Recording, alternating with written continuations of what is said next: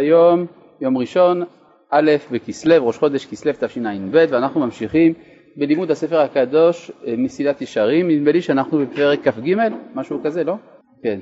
אה, אה, אם יש ספר אז גם אני יכול לקרוא, תודה. אה, בפרק כ"ג אנחנו בדרכי קניית הענווה. כן. אנחנו, אנחנו באמצע הפרק, איפה שכתוב אך מפסידי המידה הזאת. כלומר, יש על כל מידה ומידה, רמח"ל נותן לנו הגדרה של המידה, אחר כך פרטיה לפעמים, דרכי קנייתה ומפסידיה. כן? מהם מפסידי המידה, וגם לפעמים הוא מנדב לנו הרחקת מפסידיה של המידה. בסדר? אז כאן אנחנו במפסידי המידה, אך מפסידי המידה הזאת הוא. כלומר, מה הדברים שגורמים לאדם לאבד את הענווה.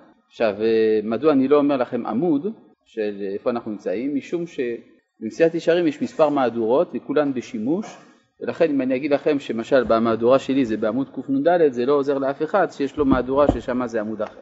אז אך מפסידי המידה הזאת הוא הריבוי והשביעה בטובות העולם הזה. כלומר, אדם טוב לו, זה לא רע שטוב לו לאדם, אבל יש סכנה בזה שהאדם נמצא בטובה, וכעניין הכתוב שבפירוש אומר פן תאכל ושבעת ורם לבביך. כלומר השביעה, בכל מלוא המובן, גם השביעה של הקיבה וגם של כל הנאות העולם, אה, כסף ותאוות וכדומה, גם כשבאופן המותר, כיוון שאדם שבע הוא מרגיש מלא. ברגע שהוא מרגיש מלא, יש לו דימוי מסוים אל האלוהות, אז הוא חושב את עצמו אלוה. אני אמנם מקצין את זה, אבל זה בעצם מה שנמצא בתת מודע של האדם. הוא המקור של עצמו, הוא חייב דין וחשבון לעצמו, ולכן יש כאן סכנה. אגב, הפסוק הזה, פן תאכל ושבעת, נמצא אה, שני פסוקים לפני פסוק אחר, שאומר ואכלת ושבעת. אז יש פה איזה בעיה. מצד אחד אומר לך, לא לסבוע, נכון? רפי, תן חיוב. אה, עכשיו, אה, יש, אם כן, סכנה של פן תאכל ושבעת. אם אני מבין פן, פן זה, כל מקום שכתוב פן זה לא תעשה, כך אומרת הגמרא. מצד שני כתוב ואכלת ושבעת, אם כן זה מצוות עשה, אז יש איסור לסבוע ויש חובה לסבוע. האמת היא שמצד האמת זה לא נכון מה שאמרתי, אלא פן תאכל ושבעת ורם לבבך, כלומר התוצאה היא האסורה. אם על ידי השביעה אתה מגיע ל"ורם לבבך", יש פה בעיה. אבל אם ואכלת ושבעת וברכת, אז אדרבה זה רצוי. כלומר מזה אנחנו לומדים דבר מאוד חשוב, השביעה כשלעצמה אין בה לא טוב ולא רע. אלא היא נבחנת מצד תוצאותיה. יש שביעה שמביאה לגאווה, אז היא רעה, יש שביעה שמביאה לברכה, ואז היא טובה. הרי אי אפשר לברך בלי לסבוע, בעיקר דין מצוות דאורייתא, אני לא מברך אלא אם כן אני שבע.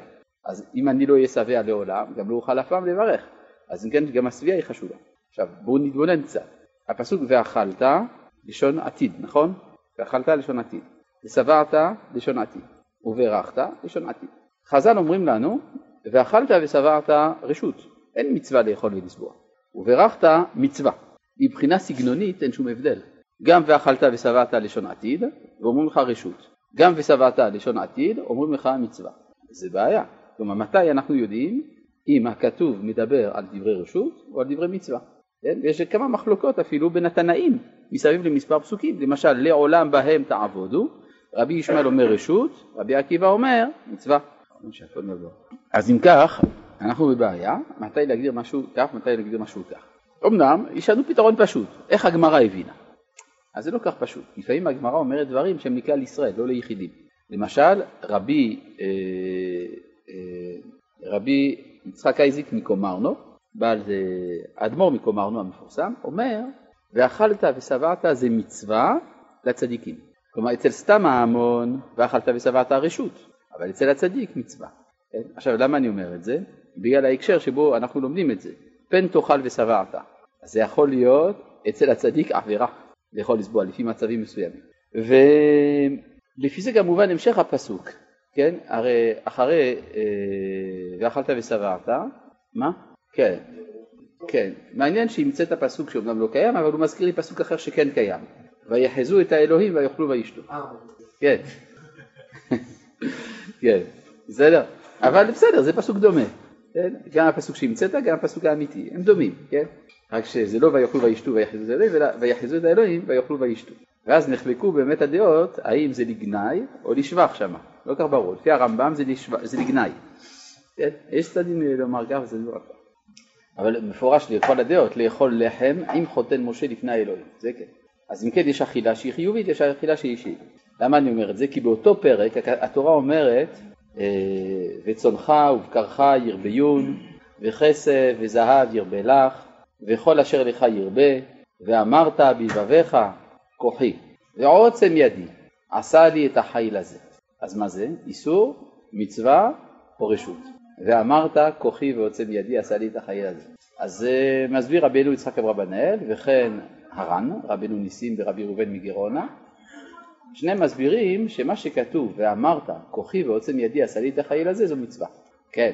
ולכן הרב צבי יהודה קוק היה שולח את תלמידיו לראות את המצעד הצבאי ביום, ביום העצמאות כדי לקיים ואמרת כוחי ועוצם ידי עשה לי את החיל הזה. נכון? כתוב פורש. ואמרת, אז צריך לומר כוחי ועוצם ידי עשה לי את החיל הזה. יש המשך לפסוק. וזכרת את השם אלוהיך כי הוא הנותן לך כוח לעשות חיל. אבל אם לא תאמר כוחי ועוצם ידי, איך תזכור שהשם אלוהיך נותן לך כוח לעשות חיל? לכן צריך, ואיך אומר רבי יצחק אברבנאל, התורה לא תתכחש לאמצעים, לא תבטל את האמצעים, והאמצעי זה כוחי ועוצם ידי, כמו ואכלת ושבעת וברכת, מובן?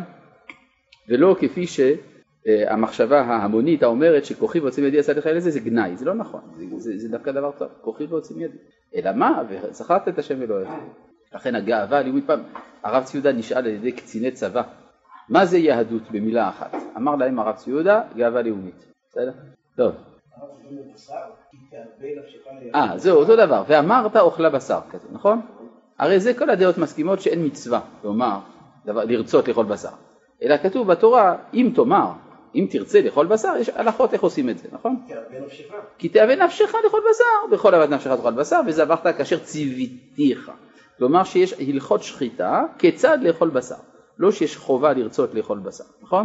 נכון, אבל אם אנחנו נלך לפי העיקרון של האדמו"ר מקומרנו, אז גם שם נאמר, עבור הצדיק, ואמרת אוכלה בשר, מצווה, ברור?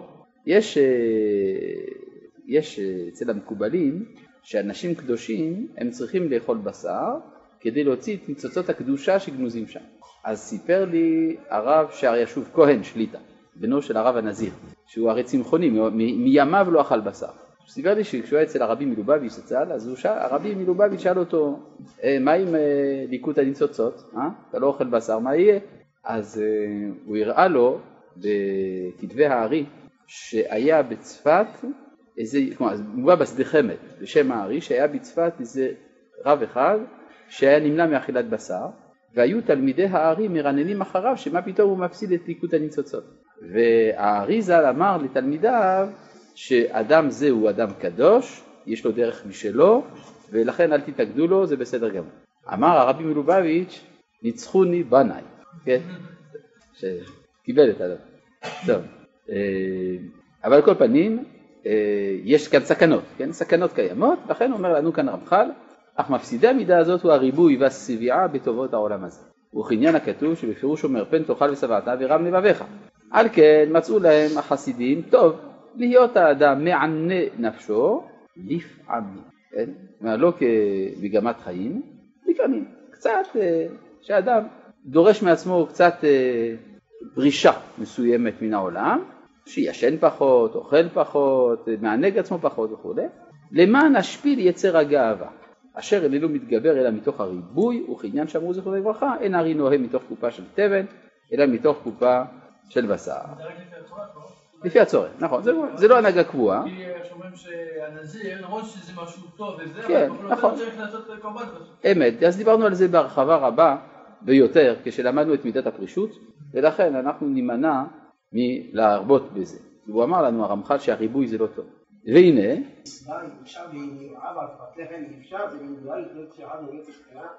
יש כמה ניסיונות, כן, אתה צודק, אתה צודק, נכון.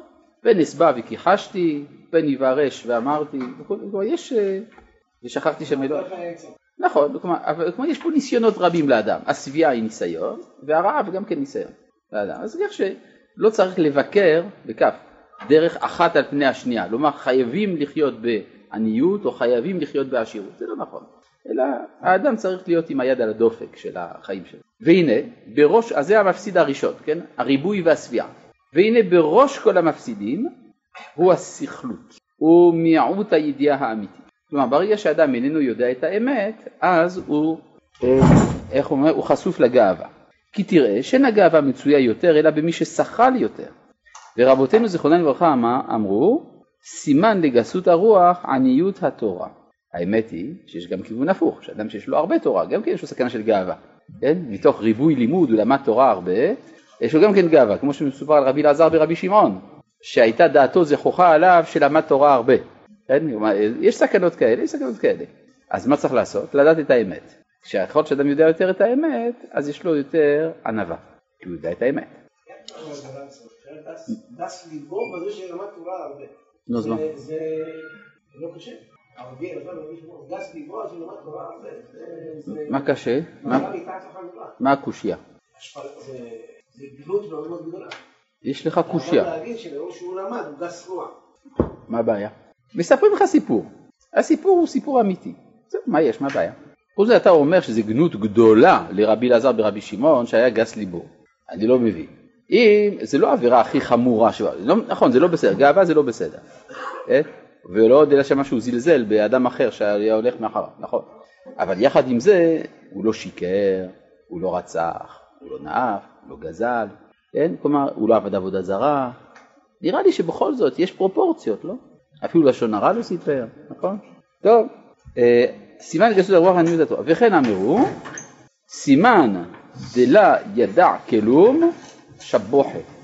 כשאדם משבח את עצמו, זה סימן שהוא לא יודע שום דבר. ואמרו עוד, איסתרה בלגנה, קיש קיש קריא.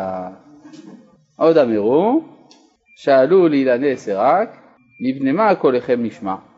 כן, הרי הם עושים הרבה רעש, אילני סרק. כן, יותר מאשר עצי פרי. עצי פרי הם לא עושים רעש, עצי סרק הם עושים רעש. אמרו הלוואי יהיה קולנו נשמע ונזכר. כן, שיכתבו עליי בעיתון, שידברו, שיגידו פה שם וזה. למה? כי אין לו כלום. הסתרה בלגנה, קיש קיש קריא. וכבר ראינו שמשה, שהוא מובחר שבכל האדם, היה עניו מכל האדם. כלומר דווקא האדם שיש לו ידיעה אמיתית על החיים והמציאות, הוא בירר את הדברים לאמיתותם, אז הוא יכול להגיע לענווה אמיתית. כך שהרעיון שאני לא אלמד כדי שאשאר בענוותי ולא אתגאה, זה רעיון של שטות, בסדר?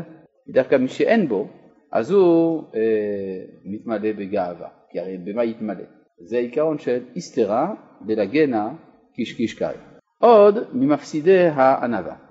עכשיו, אתם בוודאי שמתם לב שבמהלך השיעור אני שלוש פעמים חזרתי על דברי רמח"ל בארמית, כי אני מניח שכדי לתת את האפשרות למי שלא יודע מה פירוש המשפט לשאול מה פירוש המשפט. כיוון שאף אחד לא שאל, סימן שכולם יודעים. עוד ממפסידי הענווה הוא, מה זה הסתירה בלגינה כשיש קריא? אתה שמה. אז למה לא שאלת? למה לא שאלת? אתה שמה יודע מה זה הסתירה בלגינה כשיש קריא? כן, אתה, כן. מה? לא יודע. למה לא שאלת?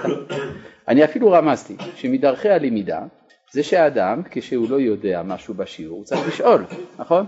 ואחרי שאני אפילו אמרתי את זה ואף על פי כן המשכתי ואף אחד לא שאל, זה לא בסדר. מתביישים. אז האם זה מותר? האם זה מותר להתבייש, לשאול על משהו שלא הבינו בשיעור? לפי ההלכה זה אסור. ההלכה אומרת שתלמיד שלא הבין מה שהרב מלמד, לא יהיה בוש מחבריו, אלא הוא חייב לשאול, נכון? זה הלכה. אז מי שלא שואל, זה עבירה, נכון? יפה, כל הכבוד. הצלתי את כולם פה. הצלת את כולם, אשריך. עכשיו יש לך במה להתגאות. איסתרה זה איסר, איסר זה סוג של מטבע שהיה בתקופה הרומית, מטבע מכסף. אז זה מטבע קטן, אין בו הרבה, כן? איסר זה כנראה משהו כמו סנטימטר ורבע, משהו כזה. וכשאתה שם את זה בלגנה, לגנה זה, זה חבית, חבית מחרס. אז כשאתה מנענע את החבית שיש בה את הניסר הזה, זה עושה הרבה רעש, זה קיש קיש, נכון? בגלל שאין כלום, אז זה עושה הרבה רעש. כן? אז זה כינוי למי שיש לו מעט ידיעות והוא עושה מזה הרבה רעש. הסתרה ולגינה, קיש קיש כאלה. עכשיו, היינו מרוויחים יותר זמן אם האנשים היו פה מקיימים את ההלכה באופן מיידי. במיוחד אחרי שהם נרמזו שהם צריכים לשאול כשהם לא מבינים. טוב, הלאה. אה, עוד ממפסידי הענווה. תגידו לו, אבל מה פתאום אני מעיר על זה? יש הלכה שאני חייב להעיר על זה. אה? ההלכה היא שכשהרב רואה שהתלמידים התרשלו, חייב לגעור בהם. טוב, עוד ממפסידי הענווה. אז אה, כן דיברנו על שני מפסידים, השביעה והסכלות. מפסיד שלישי הוא ההתחברות או ההשתמש בבני אדם חנפים. כן, כלומר אדם בונה לעצמו חצר, ובחצר התפקיד של האנשים זה להחניף לו. כן, היו הרבה מלכים כאלה, מלכים אה, גסי הרוח שבנו לעצמם חצר. אז מאות אנשים נמצאים בחצר וצריכים כל היום להגיד הוד מלכותו אתה נפלא. אז זה מפסיד את הענווה, הוא ההתחברות או ההשתמש בבני אדם חנפים, אשר לגנוב ליבו בחנפותם למען ייטב להם ישבחוהו וירוממוהו. בימי רמח"ל היו דברים כאלה בחצרות האצילים באיטליה, הוא הכיר את זה. בהגדיל מה שיש בו מן המעלות עד התכלית ובהוסיף עליו מה שאין בו כלל. כלומר מה שיש לי תגידו שזה עצום ומה שאין לי תגידו שיש לי ולפעמים שמה שיש בו הוא ההפך ממה שמשבחים אותו. יכול להיות גם אצל צדיקים, כאילו חצר ובאים יכולים להגיע ל... כל דבר הוא סכנה, כן? כל דבר זה סכנה. רק שאצל הצדיקים החצר זה לא בשביל לשבח אותו, זה בשביל לקדם את האנשים. כלומר, מחשבתו של הצדיק כשמכבדים אותו בחצרו וכדומה, חצרות החסידים למשל, זה לטובת חסידיו, לא לטובת עצמו, מה אכפת לו מעצמו. אה, כן. ולפעמים שמה שיש בו הוא ההפך מה שמשבחים אותו. והנה סוף סוף דעת האדם קלה וטבעו חלש ומתפתה בנקל כל שכן בדבר שאליו הוא נוטה בטבע כן? הרי הגאווה זה דבר טבעי הענווה צריך מאמץ. על כן בשומרו את הדברים האלה יוצאים מפי שהוא מאמין לו. ייכנסו בו כארס ועכס ונמצא נופל ברשת הגאווה ונשבר. הרי לנו יואש עכשיו הוא דוגמה היסטורית. המלך יואש. עכס, עכס זה סוג של ארס אה, שנמצא אצל עכבישים. ארס ועכס זה שני סוגי רעל, יש רעל כזה, רעל כזה. הרי לנו יואש אשר היטיב לעשות כל ימי הוראו יהוידע הכהן רבו. כתוב שם שהוא הלך בדרכי השם כל ימי אשר הוראו יהוידע הכהן. אז מזה למדנו שכאשר מת יהוידע הכהן יואש התחיל להתגאות. מה הוא התגאה? הוא חשב שהוא אלוה. למה הוא חשב שהוא אלוה? הרי במשך שמונה שנים, כשהוא היה ילד קטן, תינוק, הסתירו אותו בקודש הקודשים במקדש, מפני עתליה, מלכת יהודה, שרדפה את כל בית דוד, ואז יהוידע הסתיר אותו, אבל איפה אפשר להסתיר אותו? מקום שאף אחד לא נכנס אליו, איפה לא נכנסים? קודש הקודשים. שמונה שנים הוא היה שם. אז אחר כך כשיצא אמרו לו, אחרי שמת יהוידע, אמרו לו, אם, אם לא שאתה אלוה, איך יכולת להחזיק מעמד שם? אז השתחוו לו. השתחוו לו, קיבל, הסכים. אז מה שאומר כאן, ואחרי מות יהוידע באו עבדיו והתחילו להחניף לו ולהגדיל הילוליו, עד שדימוהו לאלוה. אז שמע המלך עליהם. ותראה זה הדבר, זה כתוב מפורש בתנ"ך, כאן הוא לא מביא את הפסוקים, אבל אה, פסוקים ידועים. ותראה זה הדבר בבירור, כי רוב השרים והמלכים, או כל בעלי היכולת, יהיו באיזה מדרגה שיהיו, נכשלים הם ונשחטים בעבור חנופת משרתיהם. זו בעיה קשה, אנשים בעלי עמדת כוח, אז הם אה, מתפתים, זה מאוד קל, זה ניסיון לא פשוט, מתפתים לשמוע לאלה שמשבחים אותם. על כן מי שעיניו בראשו יותר ייזהר ויעיין במעשה מי שרוצה לקנותו לו לחבר או ליועץ או לפקיד על ביתו ממה שייזהר ויעיין במאכלו ובמשתיו כי המאכל והמשתה יוכל להזיק לגופו בלבד. אכלתי משהו לא בריא, שתיתי משהו לא טוב, אז הגוף שלי עכשיו ניזוק. והחברים או הפקידים יוכלו להשחית נפשו ומאודו בכל כבודו, זה הרבה יותר חמור. ודוד המלך עליו השלום אומר, הולך בדרך תמים, הוא ישרתני. לא ישב בקרב ביתי עושה רמייה. ואין טוב לאדם אלא שיבקש לו חברים תמימים שיאירו עיניו במה שהוא עיוור בו ויוכיחוהו באהבתם. כלומר מישהו שבא וכל הזמן אומר לי תוכחות זה חבר טוב. מספרים על התז, אחד מגדולי הפוסקים, רבי דוד הלוי מקרקוב, שהוא היה משלם משכורת לאיזה יהודי שיגיד לו כל מה שלא בסדר אצלו. זה היה התפקיד שלו. התפקיד שלו היה להגיד לטז כל מה שלא בסדר, הוא קיבל כסף על זה. ומספרים שפעם אחת הטז הגיע באיחור לתפילה, ואז הוא ראה בכניסה לבית הכנסת את הבן אדם, הוא אומר טוב, עוד מעט הוא יגיד לי שאני לא בסדר, שאני איחרתי לתפילה. הוא עובר לידו, ההוא לא אומר כלום. תמוה מאוד. אחרי התפילה הטז ניגש אליו, למה לא אמרת כלום? הוא אומר אני באתי להגיד לך שאני רוצה להתפטר מהתפקיד. אז הוא אמר לו למה, מה קרה? הוא אומר כי כשראיתי את האור שיש לך מעל הראש, אז אני לא העזתי להגיד לך שום תוכחה, כן? הייתה לו איזה מין הילה כזאת, כן? אז עכשיו מספרים שבעצם מי שהיה גדול זה היה השמש הזה, שהוא ראה את האור מעל הראש של. אמ, כן. ונמצאו, בקיצור, אין טוב לאדם אלא שיבקש לו חברים תמימים שיראו עיניו ומה שהוא עיוור בו ויוכיחו באהבתם ונמצאו מצילים אותו מכל רע כי מה שאין האדם יכול לראות לפי שאינו רואה חובה לעצמו הם יראו ויבינו ויזהירו ונשמר ועל זה נאמר ותשועה ברוב יועץ. אם כן מצאנו שלושה מפסידים למידת הענווה, השביעה, הסכלות והחנופה. שלושת הדברים האלה צריך האדם להיזהר מהם מאוד. לרב שלום וחודש טוב. הרב, מה התרגום המילולי של איסתרה בלגינה קיש קיש קריא? תודה. איסתרה זה איסר, בלגינה בחבית מחרס, כן, בשביל שתייה, בשביל יין. קיש קיש קריא. היא עושה, כן, היא משמיעה את הכל קיש קיש. זה התרגום המילולי. המילולי. שלום לרב ולציבור. אולי עדיף שהרב יעביר שיעור על הלכות הלימוד, במקום לפזר את ההלכות על פני שיעורים שונים. חודש טוב. למה לא? למה לא לפזר את ההלכות על פני שיעורים שונים? מדי פעם זה עושה ככה טוב לאנשים.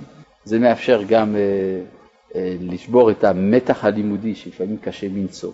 כן? וחוץ מזה, גם אם אני אעביר שיעור מרוכז, הרי לא כולם יהיו בשיעור המרוכז הזה. אז אה, מה נעשה? זה בזבוז. כן? על כל פנים ההערה יש לה מקום, תודה. אני מקווה שאתה לא נפגע מזה שאני מדי פעם מעיר לאנשים על דרכי הלמידה, שזה גם כן חלק מלימוד התורה. כן? אני אחניף לציבור, אני אגיד להם שהם בסדר. כן? טוב. אגב, אני, אני הכרתי תלמיד חכם גדול בחוץ לארץ, שהתפטר מן הקהילה שלו, כי הוא נתן דברי תוכחה לקהילתו. והוא אמר כל מה שלא בסדר בקהילה באותה דרשה.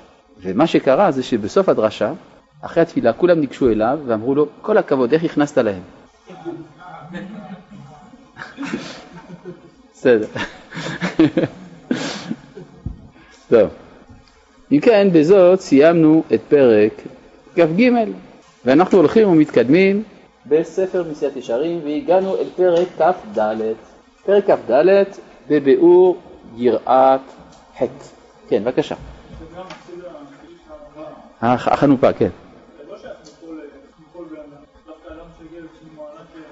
אבל הרבה אנשים מגיעים למעלות, אתה יודע, גם אנשים שאין להם מעלה, אז אה, לפעמים מחניפים להם, נכון?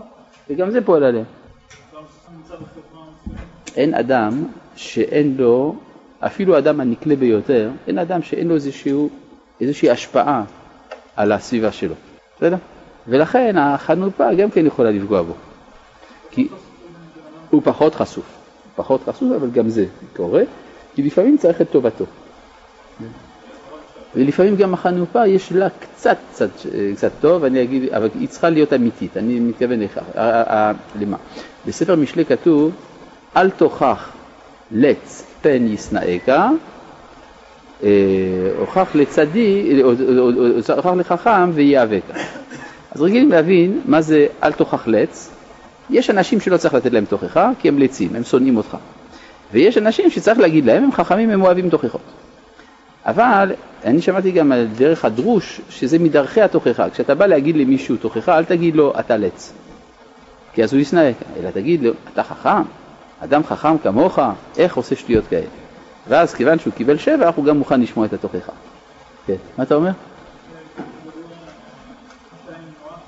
יואש, כן, מלך יהודה. מה הבעיה? מה, מפני פיקוח נפש מכניסים אדם לקודש הקודשים, מה הבעיה בזה?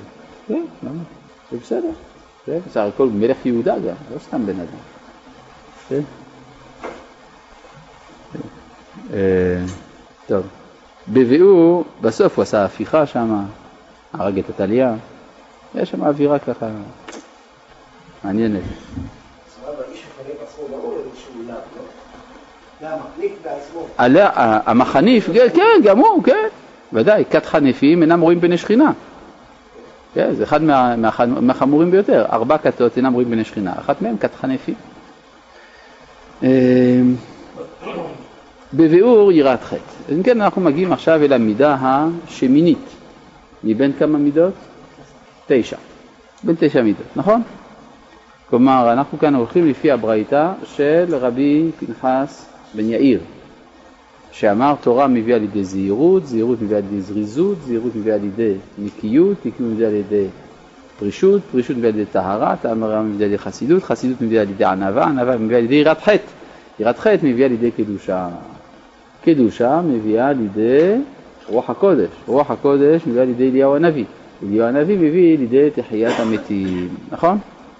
עכשיו, יש פה 12 מידות, מה שאני קראתי. אלא שרמח"ל אה, קיצר, הוריד את הראשונה והוריד גם עוד, ש- אה, עוד שתיים. עוד, בעצם לא, תוך 13 מידות הוא הוריד, אה, הוא הוריד שלושה. לא, הוא הוריד, רגע, הוא רוח הקודש, אליהו ורוח ארבעה. אז זאת אומרת שיש פה 13, הוא הוריד מהם ארבעה. הוא השאיר תשע. אה, למשל, אה, אין פה פרק על תורה, תורה מביאה לידי. תורה הוא לא כתב. אלא הוא מתחיל מהזהירות, נכון? וגם כל מה שאחרי קדושה, רוח הקודש, אליהו הנביא, תחיית המתים, הוריד. למה? אם כבר אתה מפרש את הברייתא של רבי פנחס בן יאיר, תיתן לנו 13 מידות, לא 9 מידות. אלא שספר מסיעת ישרים הוא ספר מוסר. ספר מוסר זה פונה אל האדם, אל המאמץ של האדם. מה שאין כן תורה, מאיפה זה בא? מימי השמיים. רוח הקודש, אליהו הנביא, תחיית המתים, מאיפה זה בא? זה מהשמיים. זאת אומרת שבין תורה לבין רוח הקודש יש את כל התשע מידות. מה זה אומר? הקדוש ברוך הוא נתן לך תורה.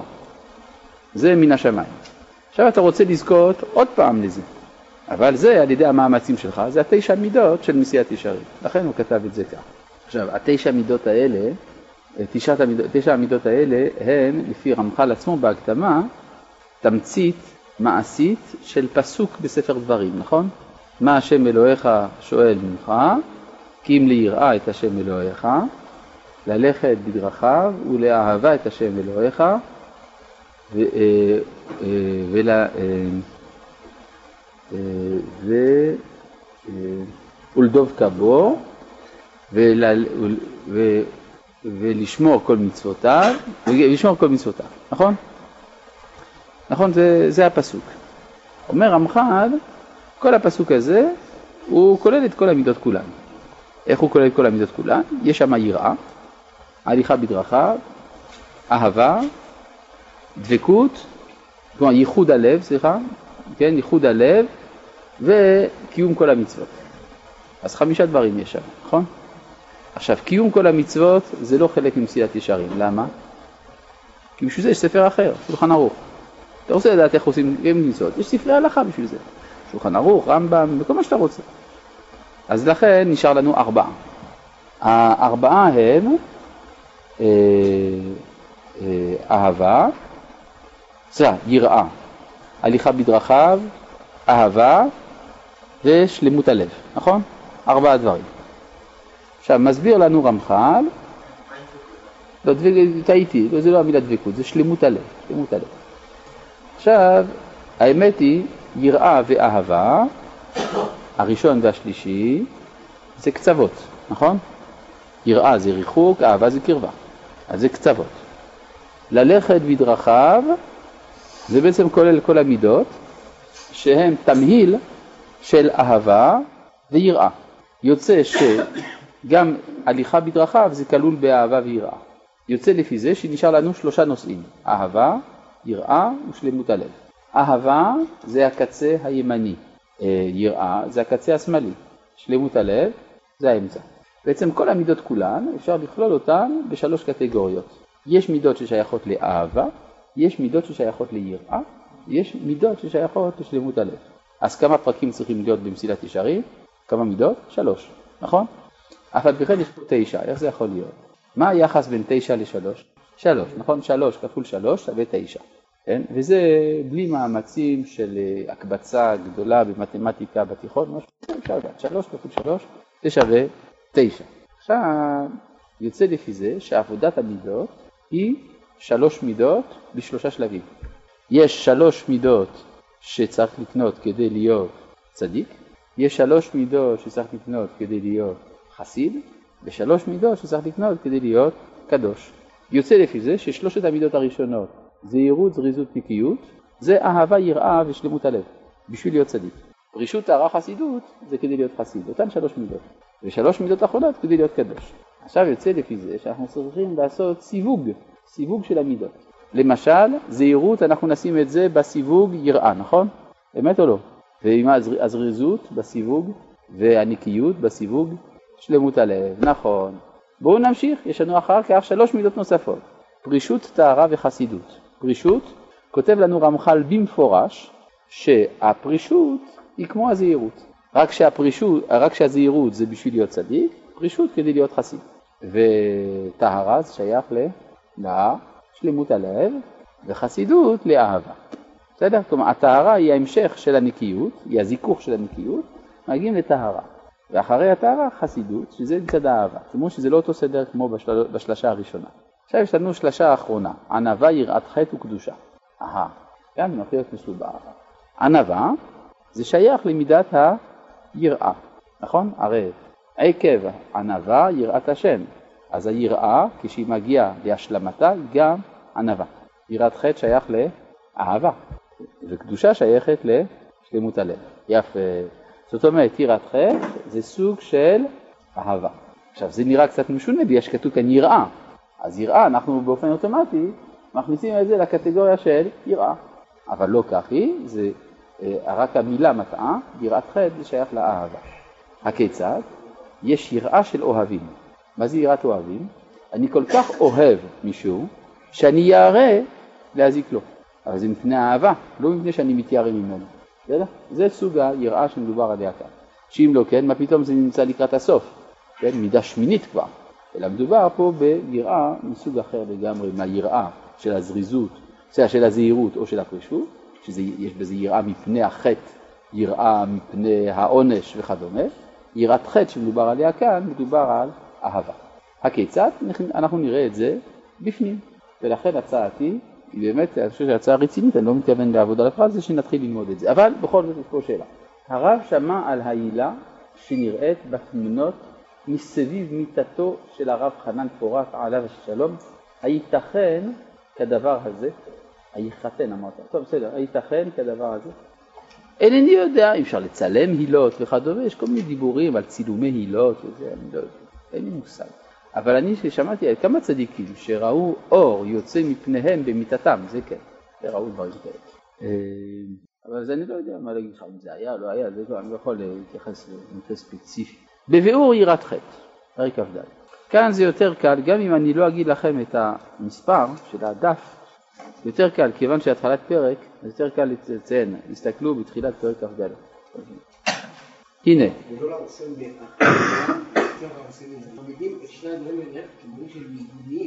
אהבה ויראה הם מנוגדים. נכון. אתה אומר ככה, יש ניגודים בין אהבה ליראה, אז איך אפשר להכניס את היראה בכלל לאהבה? הנפש של האדם, כשהוא עושה פעולה מסוימת, שיש הבדל בין אהבה לבין יראה. כלומר, אתה אומר ככה, שיש ניגודים בין אהבה ליראה, אז איך אפשר להכניס את היראה בכלל לאהבה? נכון? הבנתי אותך נכון? התשובה היא שהניגודים הם תמיד בראשית הדרך. אבל יש מה שנקרא גם סינתזה דיאלקטית. מה זה סינתזה דיאלקטית? אתה לוקח שני ניגודים ואתה רואה את נקודת החיבור ביניהם. זה מה שנקרא משולש דיאלקטי. ככה זה עובד. זה כך גם אצל אבותינו, נכון? אברהם, צדיק של מידת האהבה, יצחק של מידת היראה, ומתאחד אצל יעקב, נכון? יושב אוהלים. יעקב אבישתם יושב אוהלים. מה זה יושב אוהלים? איך אפשר לשבת בשני אוהלים ביחד? אז חז"ל בספר הזוהר, מובא גם ברקנטי, אומרים מה זה יושב אוהלים? בין אוהלים. בין אוהל אברהם לאוהל יצחק, כדי לאחד את המידות שלהם. זה בעצם המוסר של היהדות זה אחדות המידות. לכן מה שאמרת זה בהתחלה נכון, בסוף לא. בביאור יראת חטא. הנה ראותנו המידה הזאת נמנית אחר כל המידות הטובות אשר זכרנו עד הנה, די לנו להעירנו על עניינה שראוי שיהיה ודאי עניין נכבד ועיקרי מאוד וקשה להשיג אותו, שכבר לא יוכן להגיע אליו, אלא מי שכבר השיג כל המידות שקדם זכרם. למה הוא, למה הוא צורך לתת הקדמה כזאת? דווקא בגלל הקושי המילולי, שהמילה יראה היא לכאורה שייכת לשלבים ראשונים של עבודת השם.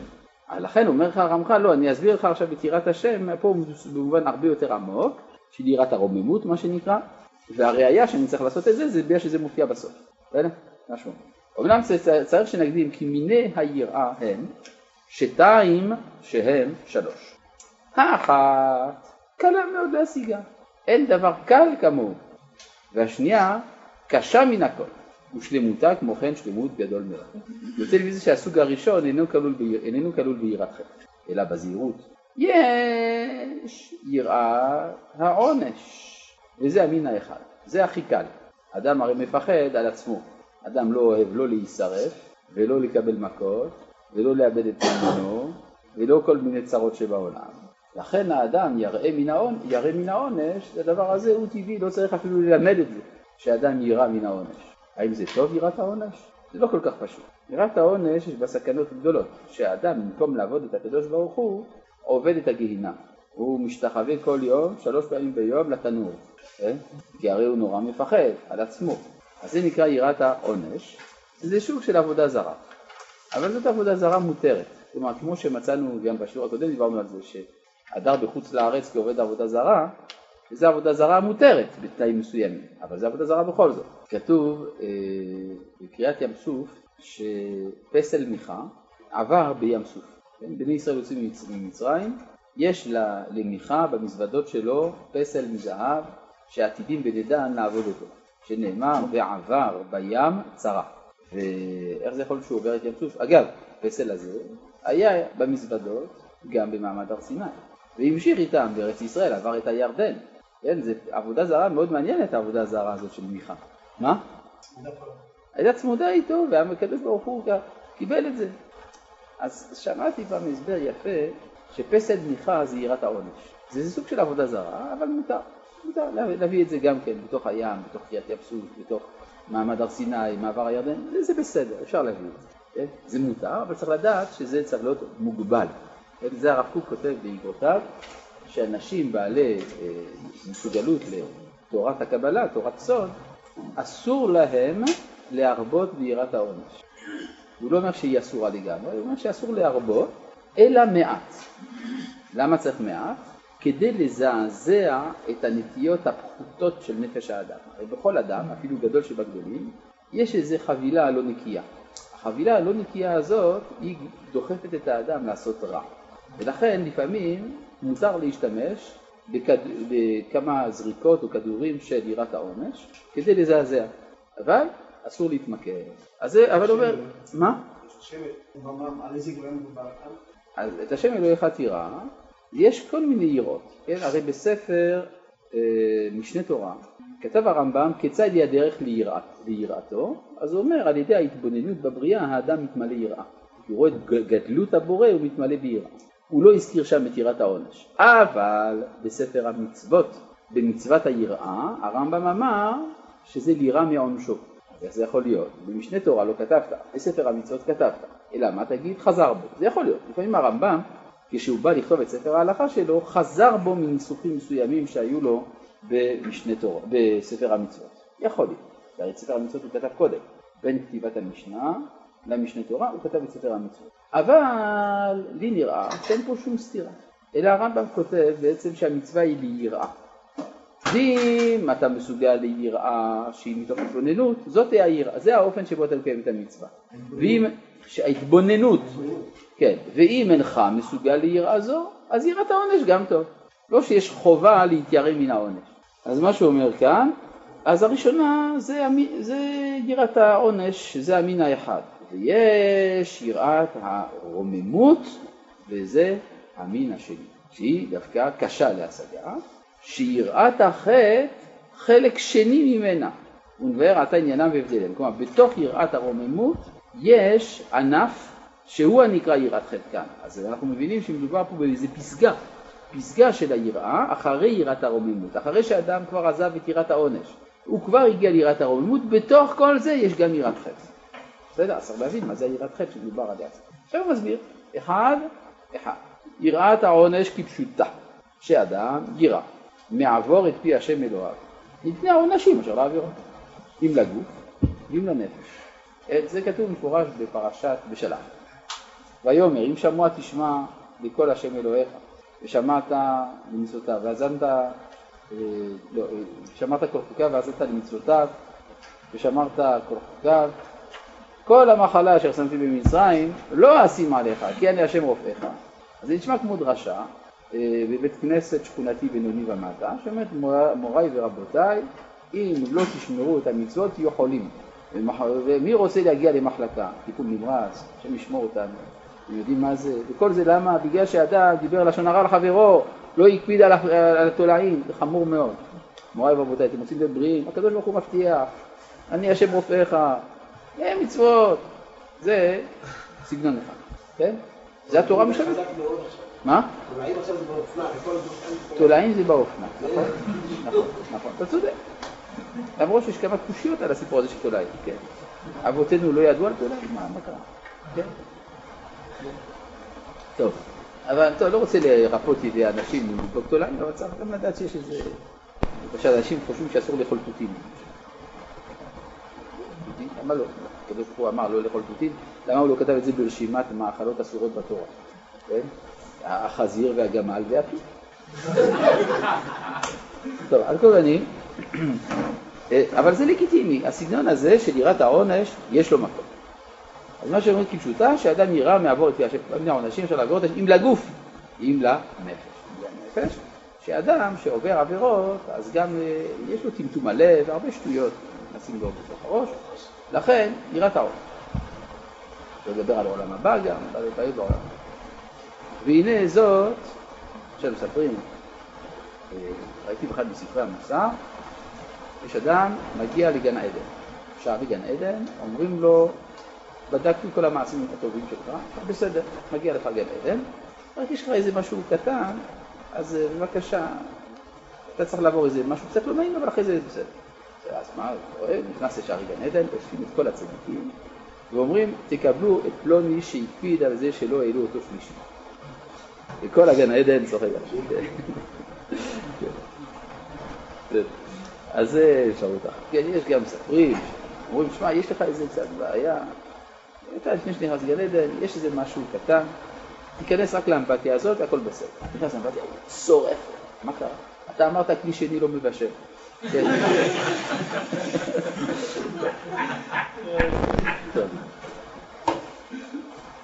והנה, זאת קלה ודאי, כי כל אדם אוהב את עצמו וירא לנפשו, ואין דבר שירחיק אותו מעשות דבר אחד יותר מן היראה שלא תבואו בו איזה רע, ואין יראה זו ראויה, אלא לעמי הארץ ולנשים אשר דעתן קלה, אך אינה יראת החכמים ואנשי הדת.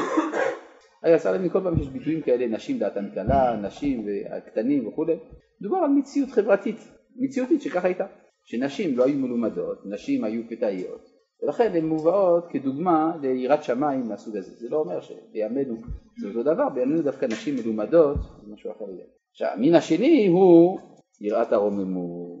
זה כבר משהו אחר לגמרי, ובזאת נעסוק בעזרת השם יתברך בפעם הבאה. שלום.